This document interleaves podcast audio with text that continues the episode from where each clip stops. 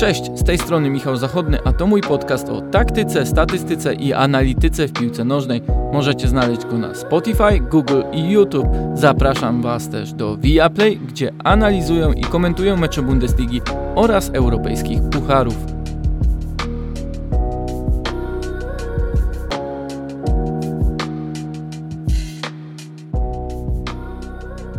Polska przegrała w Brukseli aż 1 do 6 z Belgami. I w tym odcinku podcastu dowiesz się, dlaczego Robert Lewandowski znów miał rację w swoich recenzjach e, reprezentacji, czemu i czym Czesław Michniewicz zaryzykował i co to spotkanie może nam powiedzieć o przyszłości drużyny pod wodzą tego selekcjonera.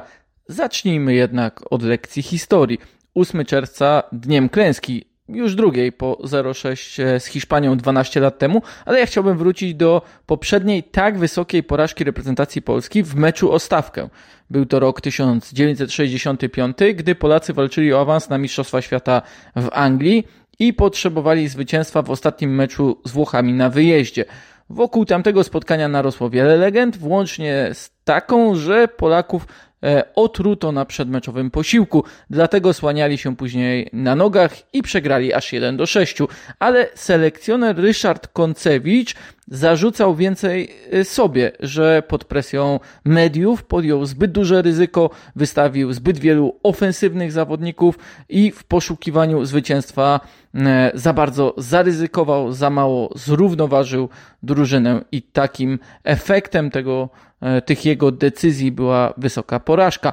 Można dokonać pewnego nawiązania do tego, czym mogła być jedna z przyczyn wysokiej porażki już w Brukseli. Czesław Michniewicz przecież też słyszał, że Belgowie stracili cztery gole z Holandią, że pozwalali rywalom na całkiem sporo, że nie zagra Romelu Lukaku. Dodatkowo zachęcano go, by wystawił skrzydłowych, a więc zagrał bardziej ofensywnie. Po tym jak nieudolnie zagrała reprezentacja z Walią w systemie z rąbem w środku pola. I tak tylko dodam, że ten odcinek podcastu miał być długim nawiązaniem do pierwszego z serii czterech meczów, do gry bez skrzydłowych, do historii meczów bez skrzydłowych, ale tak naprawdę teraz nie ma to większego znaczenia. Natomiast jeśli chodzi o wyjściową jedenastkę z meczu z Belgią, to Michniewicz naprawdę podjął ryzyko. Wystawił siedmiu zawodników, z którymi współpracował w reprezentacji młodzieżowej, a średni wiek drużyny był o niemal 4 lata niższy niż Belgów. E, od 2020 roku Polska wystawiła tylko trzy razy młodszą jedenastkę i to w meczach towarzyskich z Finlandią oraz Ukrainą, a także w eliminacjach San Marino. Oczywiście to zupełnie inny kaliber rywali niż Belgowie i to jeszcze na ich terenie. Może to miał być taki statement Czesława Michniewicza. Kręgosłupa ruszać nie zamierzał, bo zagrali po raz kolejny Kamil Glik z Janem Bednarkiem na środku obrony, Grzegorz Krychowiak w drugiej linii i oczywiście Robert Lewandowski w ataku. Pamiętam jednak dyskusję w kafe kopalnia, gdy nie było jeszcze selekcjonera, gdy trwała debata co i kto po Paulo Souzie i rozmawialiśmy z Piotrkiem Żelaznym oraz Rafałem Stecem, jaki to może być rok dla reprezentacji Polski, co powinien e, przynieść i w którym kierunku pchnąć drużynę. Rzuciłem nieśmiało wtedy tezę, że może trzeba już myśleć dalej o eliminacjach euro, a nie tylko o mundialu w Katarze, choć oczywiście próba dostania się na niego miała być tym priorytetem, tym najważniejszym celem. I w pewnym sensie ten mecz z Belgią mógł dać odpowiedź na pytanie o kierunek, w jakim personalnie ma i może iść ta drużyna Czesława Michniewicza. Skoro wystawił on młodzież i ona nie podołała, to może lepiej stawiać na starszych i doświadczonych graczy, licząc na udany wynik. Znów jednak, wnioskując po pomeczowych słowach Roberta Lewandowskiego, możemy raczej uznać, że kapitan i lider drużyny chciałby pójścia w innym kierunku. I właśnie od tego, co powiedział Lewandowski, sobie zaczniemy szerszą analizę spotkania. Przede wszystkim dzisiaj zabrakło do skoku, zabrakło skracania pola, wychodzenia gdzieś. czasami byliśmy zbyt statyczni nawet w obronie jako cały zespół, w ofensywie. Później też brakowało często e, sił, żeby wyjść, żeby przytrzymać. E, pomimo tego, że Belgowie naprawdę nie grali pressingiem, to czasami nie szukaliśmy rozwiązań e, przy utrzymaniu się przy piłce, rozegrania, e, szybciej zagrania. No, dzisiaj mi się wydaje, że Belgowie wykorzystali każdy nasz błąd, e, czy każde złe ustawienie taktyczne i To jeszcze szybki skrót wyróżniający najważniejsze kwestie e, z Lewandowskiego. Zabrakło do skoku, nie było skracania pola gry, wychodzenia wyżej z linią obrony. Jako zespół Polacy byli zbyt statyczni, nawet ofensywni zawodnicy musieli cofać się głęboko i to kosztowało ich mnóstwo sił. I w trzech golach z drugiej połowy było to doskonale widać. Akcja na 1 do 2 to rozpoczęcie od autu bramkowego Polaków. Polacy starali się w tym meczu w większości przypadków grać krótko, ale wtedy z jakiegoś powodu zrezygnowali i Drągowski wykopał piłkę, która szybko wróciła na ich połowę, a przebitkę po błędzie Lewandowskiego wygrali Belgowie i skończyło się golem. Jednak w czasie, gdy piłka e, kopnięta przez Drągowskiego leciała na połowę, Glik z Bednarkiem bardzo powoli skracali pole gry. Gdy więc Hazard dotknął jej po raz pierwszy, to nie miał na plecach żadnego ze stoperów. Mógł działać swobodnie, a obrońcy wciąż byli na 16-17 metrze.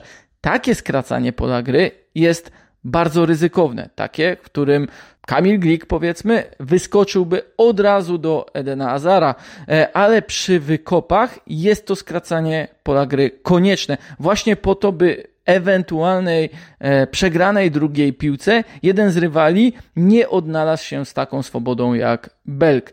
Idziemy dalej. Gol na 1 do 4 to długa akcja Belgów, którą oni zagrali bardzo podobnie. Dwa razy tak samo. Wyciągnęli Polaków z ich własnej połowy, a potem korzystali z ogromnych przestrzeni wynikających z bardzo pasywnego doskoku oraz z tego, że znów linia obrony nie skracała zbyt agresywnie, albo inaczej, widząc, że ofensywa działa dosyć e, biernie, pozostawała obniżona, czy też znacznie szybciej e, cofała się w kierunku własnej bramki. Pamiętacie pewnie, że wklejałem jakiś czas temu w jednym z odcinków podcastu wypowiedzi Pepa Lindersa z Liverpoolu o tym, że oni nie ustawiają się w pressingu, ale mają gonić za piłką. No więc Polacy w tych sytuacjach starali się wyjść z własnej połowy, ale zamiast zamykać przeciwnika, to pozwalali mu grać, odwracać się z piłką, przyjmować ją, ogrywać ich i wówczas dla Belgów otwierały się możliwości wgrania między linie pomocy i obrony lub możliwość zmiany strony gry. Ten drugi sposób przy pasywnej postawie skończył się kontrą, wybiciem na rzut rożny, który z kolei przyniósł piękne trafienie Trossarda. Ale podkreślę jeszcze raz, Polacy biegali może nawet i intensywnie, kosztowało ich to siły, ale było to nieefektywne, bo było jednostajne, a pressing to doskok zdecydowany, to sprint, to intencja odbioru, to zamknięcie kolejnych możliwości drużynie przeciwnej, sprawienie, że rywal gubi się mając piłkę. No to jeszcze gol na 1 do 5, gdy Damian Szymański wypchnął bardziej agresywnym doskokiem na 25-30 metrze od własnej bramki Juriego Tile Tillemansa, który miał piłkę, ale nie poszedł za nim do końca. Nie zmusił go do zagrania do obrony, lecz dał komfort poprawienia tej piłki i zagrania do Dendonkera, który z dystansu pokonał Drągowskiego. Kluczowe było jednak nie tylko to, że Szymański w pewnym momencie odpuścił przeciwnika, ale też fakt, że obrona, gdy Tillemans oddalał się od polskiej bramki, nie skracała za nim pola gry. Cała linia stała na 16 metrze.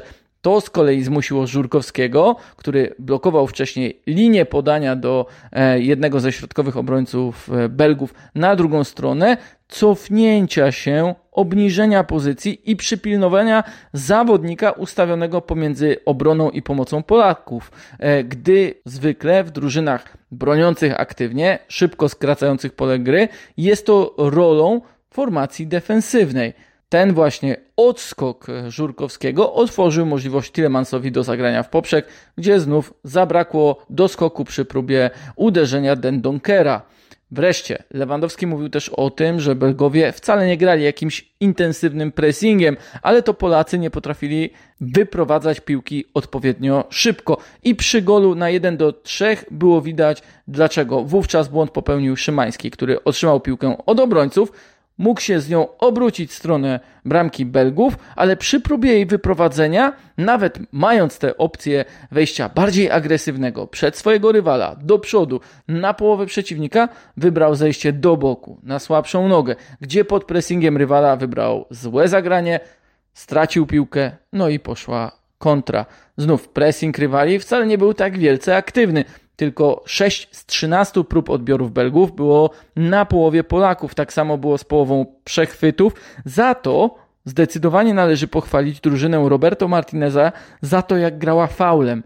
Wszystkich popełnionych 12 przewinień było na połowie Polaków, zaburzając grę z kontry zespołu Michniewicza, takie możliwości nawet rozpoczęcia szybkiego ataku, zmuszając Polaków do ustawienia ataku pozycyjnego. Może to być też nauka dla biało-czerwonych bo tak trzeba grać agresywnie w wysokim pressingu. Tak bardzo agresywnie, że nawet w razie przejścia rywala, przegrania tego pojedynku w defensywie, można i wręcz trzeba ratować się faulem. E, chciałbym na chwilę zatrzymać się przy elemencie skracania pola gry przez linię obrony. Nie da się ukryć, że z Kamilem Glikiem w drużynie będzie o to bardzo trudno. Dlatego na początku swojej kadencji e, Paulo Souza chciał sprawdzić reprezentację bez niego.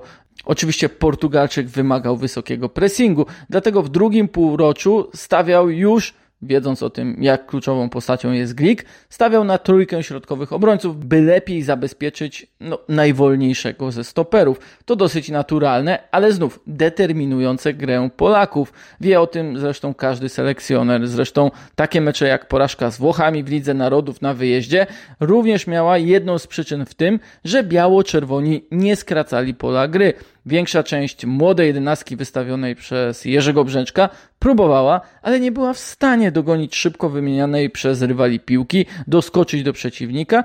W efekcie jeszcze szybciej musieli szarżować kilkadziesiąt metrów pod własną bramkę za kolejną akcją Włochów. Pod wieloma względami Tamten mecz i ten z Brukseli były podobne, nawet jeśli wynik wówczas nie był aż tak wysoce niekorzystny.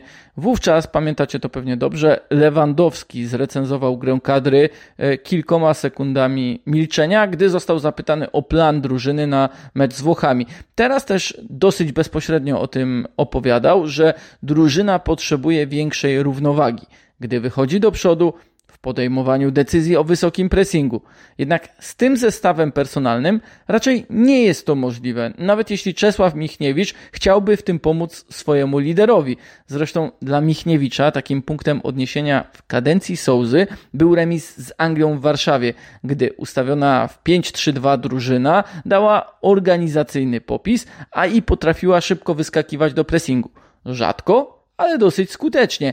Z Belgią, no można powiedzieć, że już jego drużyna tylko próbowała, zwłaszcza na początku, ale rywale szybko udowodnili, że mając takiego zawodnika jak Kevin De Bruyne, są w stanie minąć nawet bardziej agresywną, wysoką obronę Polaków. Michniewicz e, w weekend w programie na kanale meczyki.pl mówił o tym skracaniu pola gry. Jakie są z tego zagrożenia? Że również przeciwko Walii drużyna miała ten problem, choćby przy jedynym straconym golu, gdy znów rywal oddał strzał z dystansu, a nikt go nawet nie zablokował. Wcześniej wszyscy obrońcy, a także pomocnicy dosyć pasywnie przyglądali się temu, jak Walijczycy rozgrywali swój atak po stracie e, piłki na połowie e, boiska.